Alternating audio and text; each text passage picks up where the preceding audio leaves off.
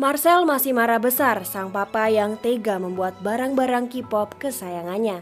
Tiap hari Marcel selalu pulang larut malam karena tidak betah dengan harus seatap dengan papanya itu.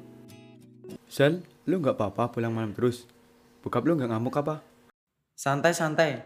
Papa mah bodo amat sama hidup gue. Thanks ya udah dianterin. Siap, gue cabut dulu ya. Hati-hati Hyung. Pulang juga anak itu.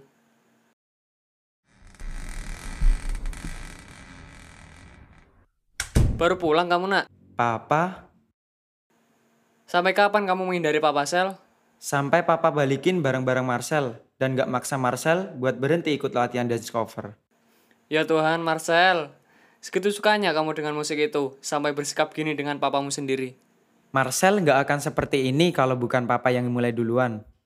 Papa buang semua barang-barang K-pop Marcel. Seakan-akan papa gak peduli kalau aku kerja keras nabung untuk beli semua itu. Papa juga tega motong uang jajan dan maksa Marcel keluar dari grup dance. Papa melakukan semua itu agar kamu bisa cepat sadar, Marcel.